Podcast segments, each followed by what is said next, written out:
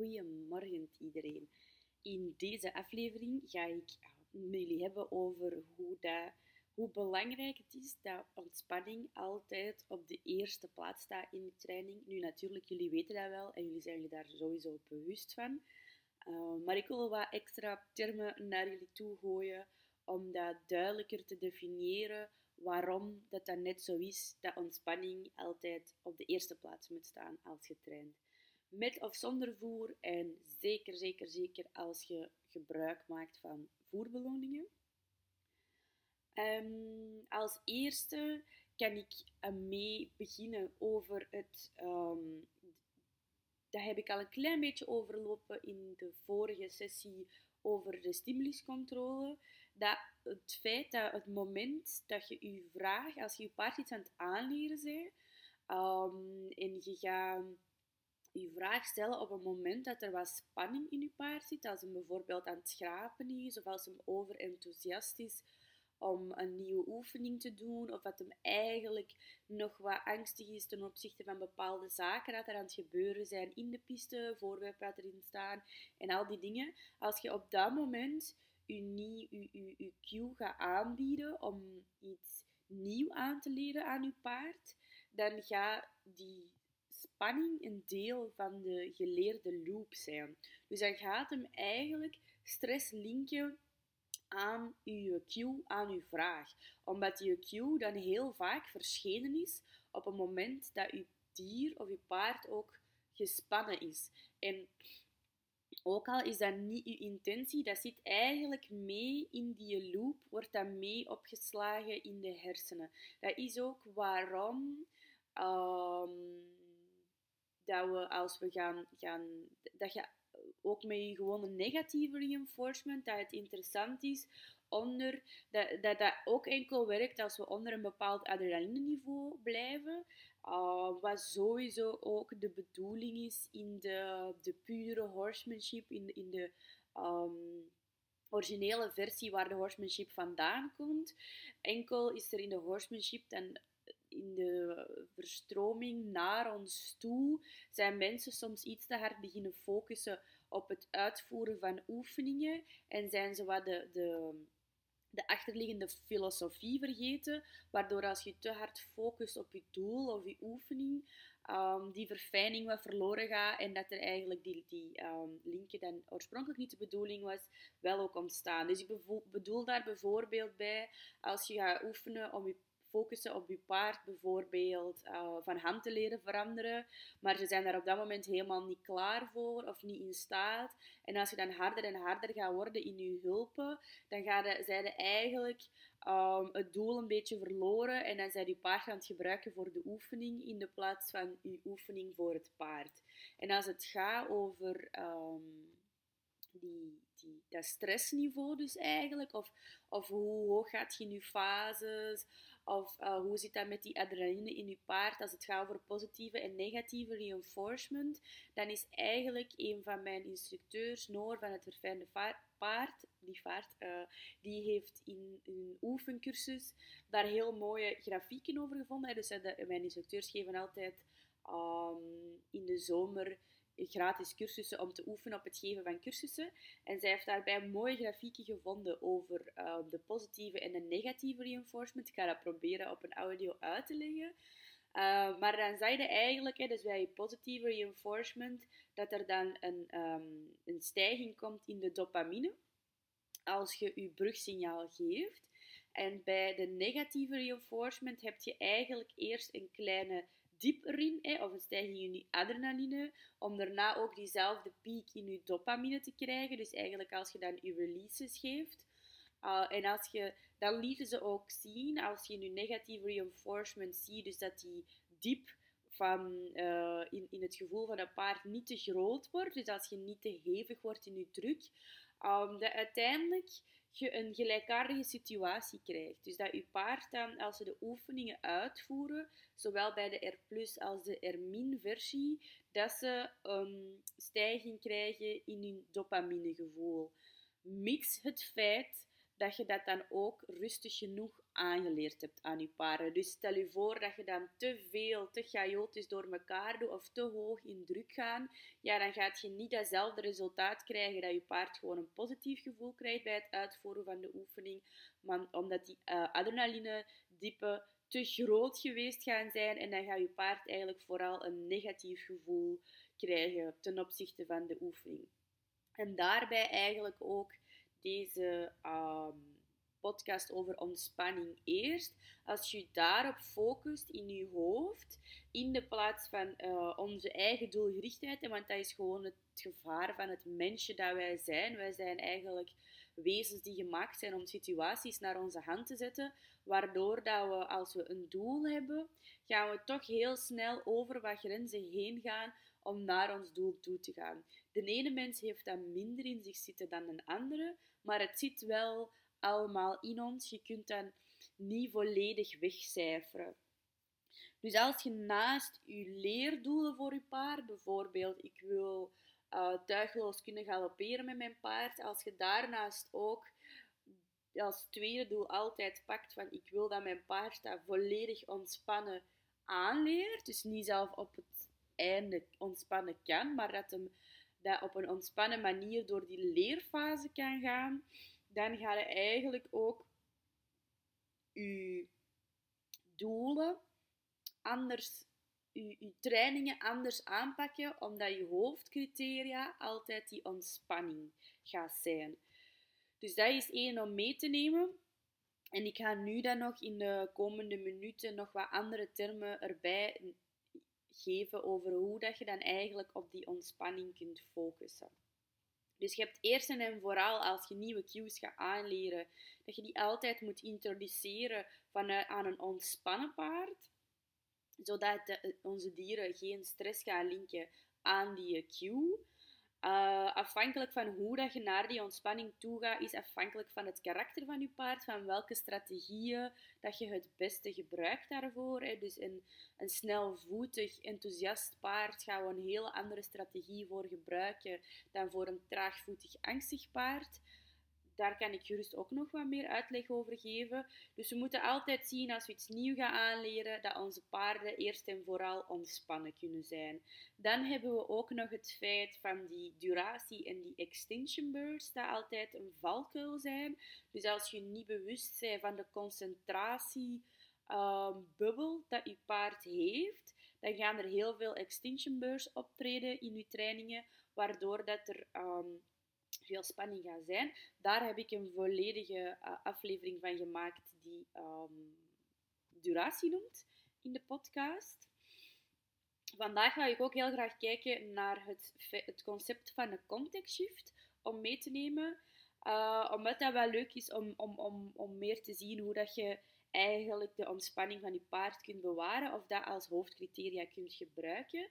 Een context shift is eigenlijk weer al een Engelse term voor um, elke keer als er iets verandert in de sessie met je paard, dan noemen we dat een context shift. En als er een context shift is, dan willen we dat voor het makkelijker te maken voor onze dieren, dat we op dat moment eigenlijk onze criteria naar beneden gaan doen. Criteria is Um, bijvoorbeeld als ik bezig ben met een achteruit te leren aan mijn paard en ik ben momenteel aan het focussen op de criteria aantal passen. Als er dan een context shift zich voordoet, dan ga ik het, die criteria van het aantal passen verlagen naar minder passen, alvorens ik mijn paard rust of voer ga geven. Nu, wat kan een context shift allemaal zijn? Dat is bijvoorbeeld als je Ehm, als er iemand nieuw in je piste komt, een ander paard, en je paard vindt dat wel spannend, dan kun je beter al je criteria eventjes, een, een vijftal, tiental minuten, afhankelijk naar wat je paard nodig heeft, naar beneden houden, zodat hem sneller terug die dopamines gaat krijgen, zodat je voorkomt dat die adrenaline-diepen groter worden. Een context shift kan ook zijn dat je dezelfde oefening gaat uitvoeren die dat je in je piste al hebt geoefend, bijvoorbeeld aan je poetsplaats of buiten, dan is het ook interessanter dat je criteria even naar beneden legt zodat die paarden sneller ook in die nieuwe omgeving een positief gevoel gaan ervaren. Um, een contextshift kan ook zijn dat het plotseling begint te regenen, waardoor dat er eigenlijk een extra criteria is dat je paard afleidt. Dan is het interessanter dat we onze criteria weer even naar beneden houden. Um, ook over dat feit van oefenen voor buiten te gaan, dan is het echt ook interessanter om bijvoorbeeld die oefeningen die dat in de piste al heel goed werken, om die bijvoorbeeld eens op uw trak te gaan rijden, om die eens een keer in uw wei te gaan rijden, om die eens een keer ter hoogte van de poetsplaats of op uw oprit te gaan oefenen. Zodat je eigenlijk heel kleine contextshiften kunt creëren, zien uh, wat je paard op dat moment al dan niet uh, capabel tot is. Dus eigenlijk hoe te leren voelen van hoe groot is die impact van deze contextshift op mijn paard en welke criteria kan ik aanhouden. En zo kun je veel beter gaan aanvoelen van oké, kan ik al helemaal gaan buitenrijden? Kan ik beter een stuk gaan buitenrijden? Kan ik beter gewoon de straat alleen doen? Heb ik misschien een extra paard nodig om mijn paard rustiger te krijgen? Al die zaken. Maar zo krijg je al een grotere, groter bewustzijn van uh, de mate van een invloed van een context shift op uw paard. Want de bedoeling is dus eigenlijk dat we in die context shiften altijd onze criteria eventjes naar beneden halen, zodat ons paard supersnel terug positieve gevoelens opdoet, zodat we in de long run onze paarden veel stabieler maken ten opzichte van die context shiften. Dus dat er dan verandering in hun omgeving optreedt, optreedt en dat ze daar eigenlijk totaal niet van onder de indruk gaan zijn, omdat ze bij ons altijd um, steun hebben gevonden en zich goed hebben gevoeld in die uh, contextshiften. Dat is het belangrijke daarvan. En zo gaat je uiteindelijk een paard krijgen dat je overal mee naartoe kunt nemen en zich ook overal veilig voelt. Dus zeker ook um, van die context shift, als je je paard meeneemt naar een andere locatie, je eerste sessies dat je daar met je dier gaat doen, legt ook je criteria een heel stuk lager, zodat hij zich veel sneller oké gaat voelen op die nieuwe plaats. Doe oefeningen dat hem thuis echt mega goed kan, dat hem heel graag doet. Laat hem die eerst ervaren op die nieuwe plaats, zodat je die oefeningen kunt gebruiken om een positief gevoel met die nieuwe plaats te creëren. Ehm, met andere dieren is dat een supergrote normaliteit. Dat als we een dier verhuizen van de ene locatie naar een andere, dat we even echt alle criteria, bam, massa's laag leggen. Maar met onze paarden zien wij dat eigenlijk als normaliteit, dat we die kunnen verplaatsen als iets aanneembaar van dat is logisch, waardoor dat we op dat moment er eigenlijk te weinig zijn voor die dieren als ze bijvoorbeeld een dolfijn, niet dat ik daar fan van ben, van het ene dolfinarium naar het andere gaan verplaatsen, dan gaan ze eigenlijk maanden aan een stuk veel lager in criteria gaan om die ehm, ze hebben daar zelf een term voor, hè, ze noemen dat de New Tank Syndrome, om daar rekening mee te houden en te zien dat dat, dat, dier uh, positieve associaties opdoet ten opzichte van de nieuwe plaats dat hem is. Hetzelfde met dieren die ze van de ene zo naar de andere gaan verhuizen, als ze moeten overschakelen van de ene verzorger naar de andere en al die zaken, dan is dat in die training al uh, bij hun een automatisme van oké, we gaan al onze criteria verlagen. Um, terwijl bij onze paarden en ook wel honden, denk ik, dan gaan we er eigenlijk vaak automatisch vanuit dat die dieren op een andere locatie exact hetzelfde kunnen als ze bij ons thuis kunnen. Waardoor dat we ze eigenlijk een klein beetje over hun grenzen gaan, over hun grenzen gaan en het moeilijker voor hun maken in de plaats van gemakkelijker. Um, dus dat wou ik zeker meenemen in deze sessie. Het was een beetje twijfelen, noem ik de aflevering ontspanning eerst of noem ik het contact shift. Uh, maar ik ben heel blij dat ik die uitleg over die contact shift aan jullie heb kunnen doen. Als je wilt focussen op ontspanning eerst, dan moet je ook kunnen zien of je paard actieve en passieve pauze kan nemen. Dus dat er eigenlijk gewoon rust, maar echt pure rust kan zijn in je sessies. Zodat jij als mens ook tijd hebt om je eigen op pauze te zetten. Uh, om na te denken, oké, hoe ga ik de volgende vijf minuten aanpakken? Hoe gaan we daarmee verder gaan? Uh, want anders moet je te impulsief draaien, uh, reageren op hetgeen wat je paard op dat moment geeft. En als je nog geen jaren ervaring hebt, dan heb je als mens ook die een tijd nodig om even te kunnen nadenken: oké, wat is er nu aan het gebeuren? Hoe kan ik mijn oefening net nog een klein beetje aanpassen, zodat dat toch zo laagdrempelig mogelijk is voor mijn paard? Um, dat is voor diezelfde redenen waarom dat die intensievere trajecten zo'n groot verschil maken voor u ehm, als trainer van uw paard. Dat is omdat we dan eigenlijk al die informatie, zodat je op tijd genoeg kunt switchen in je oefeningen, op tijd genoeg je criteria een beetje kunt aanpassen, je vragen een beetje kunt veranderen. Um, dat heeft daar allemaal mee te maken. En nu, als je net in dat verhaal begonnen zijn of al langer bezig zijn, maar niet elke dag, dag in, dag uit met een paarden bezig zijn, dan moet je voor je eigen ook gewoon denktijd kunnen creëren. Want anders ga je gewoon automatisch hetgeen blijven herhalen wat gaan doen zijn. Je zit, je zit met een, een, een, een cue en een resultaat in je hoofd. En je gaat de hele tijd datzelfde pad, pad proberen te bewandelen, omdat dat op dat moment logisch is voor ons in ons hoofd. Maar voor ons paarden is dat dan op dat moment niet logisch. Zij gaan veel te veel trial and error ervaren, waardoor dat ze eigenlijk, ze maken de hele tijd een fout. Wij corrigeren ze, uh, waardoor dat ze heel veel spanning gaan linken aan de oefening dat we proberen uit te leggen aan onze paarden. En je moogt als je paard een fout maakt, ze wel corrigeren in de mate van ik ga je laten zien wat het juiste antwoord is. Dus ik gebruik liever het woord helpen. Um, maar als je te veel in de termen van correcties denkt, dan ga je um, dat vanuit een beetje een autoritaire positie als mens doen. Van ik ga hier laten zien wat het juiste antwoord is, waardoor je druk niet juist gedoseerd is. Dus het zit meer in dat helpen en we moeten oppassen voor die trial and errors.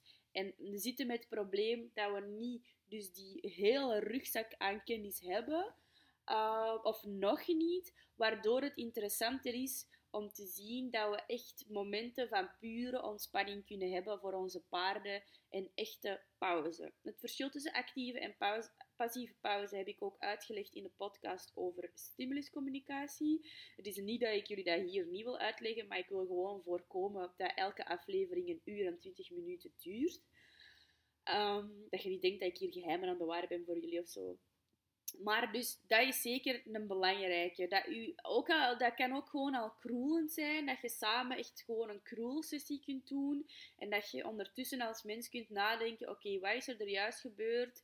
Waarom ging mijn paard schuin? Op welke manier kan ik hem misschien rechter gaan doen? Is er misschien een criteria dat ontbreekt? Is er misschien een, een, een isolatie, dus een hulp dat ik opnieuw moet herhalen voor het makkelijker te maken voor hen? Ben ik misschien te veel dezelfde oefeningen achter elkaar aan doen? Ben ik misschien te veel in een vast beloningspatroon aan het werken, waardoor mijn paard minder gaat nadenken, waardoor dat hij misschien een risico krijgt op extinction burst, dat hem geen extra verder wil zoeken in de oefeningen, al die zaken. Um, dus denk aan je pauze voor je eigen, voor je ontkoppelingsmomenten. Want ook um, een belangrijke dat als onze paarden spanning gaan hebben tijdens die oefening, als ze wat vast gaan zitten in hun hoofd, als ze wat een beetje hun tanden op elkaar gaan bijten of hun lippen naar achter trekken of hun neus wat gaan optrekken, dan gaan we ook sowieso bij die paarden die gaan onnodige spieren in hun lichaam vastzetten, wat de oefening fysiek ook veel minder interessant voor hun gaan maken.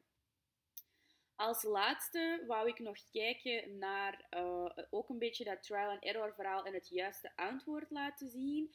Dus als je hebt enerzijds je duratie. Mijn paard is gewend van bijvoorbeeld binnen de minuut rust te krijgen of een beloning te krijgen. Als ze het juiste antwoord niet weten, dat je altijd een backup in je hoofd hebt. Dus of een B-optie noemen we dat ook wel. Van oké, als deze niet lukt, dan vraag ik even een andere oefening en dan kan ik daarvoor rust en beloning geven. Kan ik mezelf even in mijn denkmodus zetten en zien hoe het verder gaat. Dus vergeet zeker gewoon niet dat je altijd ook die B-opties hebt. Het is niet ik weet dat er heel vaak gezegd wordt van je moet consistent zijn in de training met je paard. Als je een vraag stelt, moet je zien dat je paard erop reageert alvorens dat je released. Dat is waar als je echt een hele brok chaos zei, dat dan eerst op de ene manier vraagt, dan op de andere manier vraagt, dan nog op een andere manier en altijd op momenten wel released, niet released, al die zaken, dan zeg jij inderdaad pure stress voor je paard. Dan is er geen rechtlijnigheid in hetgeen wat je aan het vragen bent en dan gaat hem daar ook heel veel spanning van ervaren. Maar die term consistent zijn, die mocht je ook niet misbruiken en dat is ook niet heilig. ik vind dat de enige consistentie dat er voornamelijk moet zijn, is dat je paard zich ontspannen en veilig voelt. Moet je daardoor even iets veranderen, dan is dat ook zo. Dus het is niet dat de wereld gaat afbranden als je een keer je vraag niet doorgesteld hebt. Het zit allemaal in de verhoudingen. Daar zit echt die pure horsemanship of dat fijnmatig gevoel in van dieren trainen. Dus als je een oefening aan het doen bent met je paard en je hebt het gevoel van eigenlijk is mijn duratie al heel lang en hij weet het antwoord niet op mijn vraag, ga naar je B-optie op. Je B-optie kan zelf gewoon zijn, oké, ik stop met deze vraag te stellen en ik laat mijn paard gewoon even rustig stilstaan en ik beloon hem daar al dan niet voor. Zo creëert je bewaart je het positieve momentum, die positieve mindset. Allee, ze kunnen niet bewust nadenken, hè, maar dat positieve mindset, die positieve vibes waarin je paard aan het leren is. En als je dat doet, dan houd je, als je dat momentum bewaart, als je paard echt in goed in die, die learning state of mind uh, blijft houden, dan gaat hem ook zoveel sneller leren en, en, en, en, en, en zoveel vlotter kunnen reageren op alles. En in het begin moet je heel veel doen om die learning state of mind te bewaken, om die eh, te zien dat je boven komt, zien hoe lang kan mijn deze volhouden, wanneer ben ik erover gegaan, wanneer moet ik meer pauze geven, wanneer had ik misschien vroeger mijn sessie moeten stoppen. Maar hoe beter dat je wordt in het bewaken van je focusbubbel en die learning state of mind van je paard, hoe groter en groter en groter dat je gaat worden, waardoor dat op een duur je trainingen met je paard gewoon een volledige, goede learning state of mind zijn, met de verhouding tussen een actief, maar ook ontspannen paard, dus niet overenthousiast, maar wel enthousiast om mee te werken. En dat is echt wel where the magic happens, waarbij dat je superveel zalige dingen kunt doen met je paard. Maar dus, vergeet de duratie en die B-opties niet. Het is niet omdat jij van plan waart om de achteruit te oefenen, dat eh, op ritmische druk, dus bijvoorbeeld het zwaaien met je paard, dat je dan per se veel hoger in je druk moet gaan, omdat, dan als, omdat als je paard dan niet die stap achteruit gezet gaat hebben, dat je paard potdoof gaat zijn na ene keer uh, met je, uh, je, touw te zwieren. Dat is niet zo. Denk dan in je eigen, oké, deze reageert niet, hij ziet er angstig uit op mijn ritmische druk. Hoe kan ik een tussencriteria erbij steken of een tussenoefening om te zien dat dat makkelijker is voor hem, zodat hij minder stress ervaart. Dus dan stopt je gewoon, vanaf het moment dat dat hoofd omhoog gaat, stopt gewoon met je vraag te stellen. Denkt, oké, deze werkt niet, want het heeft toch geen zin om een paard te leren achteruit te gaan met zijn hoofd in de lucht. Want dat is, ik moet jullie waarschijnlijk niet meer uitleggen wat dat allemaal met zijn bekken en zijn achteraan toe. Dat creëert toch alleen maar spanning. En dan gaan we denken, oké, hoe kunnen we dat oplossen? En dan kunnen we bijvoorbeeld, ik heb dan even gewoon beloond voor rustig stil te staan. Je zegt van, oké, maar je krijgt je pauze of je beloning toch. En dan gaan we zien, hoe kunnen we daar verder mee? En dan gaan we zien van, oké, ik moet eerst mijn paard meer in die achteruit frame of mind steken. Um, dat het voor, logischer is voor hem dat we een achteruit aan het oefenen zijn. Heb je een achteruit op je paard dat hem wel super graag doet en goed kan? Bijvoorbeeld op de borstkas of van onderaan de touwhalster of het halster en herhaalt die een paar keer. Verhoog dan je criteria naar, oké, in de plaats van meerdere passen achteruit, ga een paar keer je criteria verleggen naar uh, reactiesnelheid op je vraag. Dus dat je paard echt zo, moet één pas achteruit en dan krijg ik al beloning. Um, pas op met reactiesnelheid, je moet dat altijd doseren met ook um, rustig achteruit gaan, want anders krijg je een dat bam, supersnel achteruit gaat en niet meer nadenkt waar het hem zijn benen zet. Maar wat, in elk geval, op dat moment moet wel spelen met reactiesnelheid. Van oké, kun je een beetje sneller in je achteruit denken? Kun je dan, terwijl dat je bijvoorbeeld die borstkas aan het aanraken bent, een beetje wiebelen met je touw. En op het moment dat je wiebelt, kun je dan zo'n Q-transfer doen. En dan op het moment dat je wiebelt, dan geeft je een release. Laat je paard stilstaan of beloont je ze daarvoor. En als je dan zo rustig overgaat van de Q-transfer, van wiebelen, naar borst aanraken, naar dat je alleen je wiebelen hebt, kun je misschien zo je paard leren achteruit gaan. En dan heb je eigenlijk op misschien een snellere tijd je paard leren achteruit gaan op die ritmische druk van je touw, zonder dat je per se uh, hoger in je druk hebt moeten gaan en dat je je hebt moeten vasthouden van ik moet consistent zijn, ik moet als ik een vraag heb gesteld zien dat het antwoord eruit komt. Want je moet voornamelijk consistent zijn in het creëren van ontspanning bij je paarden. En in noodsituaties moet je eens een keer snel zijn, moet je eens een keer duidelijk zijn, maar nooit in de, of naar mijn opinie, nooit in de leerfase van je paard. Want dan gaat je spanning linken aan je hulpen en daar zijn er achteraf toch niet zo heel veel bij. Oké, ik denk dat dat uh, mijn speech is dat ik wou geven vandaag aan jullie. Ik hoop dat jullie er weer wat van hebben bijgeleerd. Um, ik ben echt nu nog in de fase van alles op te bouwen van die podcast. Dus laat mij zeker weten als je het oké vond of dat je uh, er iets uit geleerd hebt. Dat motiveert wel om zeker nog veel meer afleveringen voor jullie te maken. Goed, tot de volgende. Dag!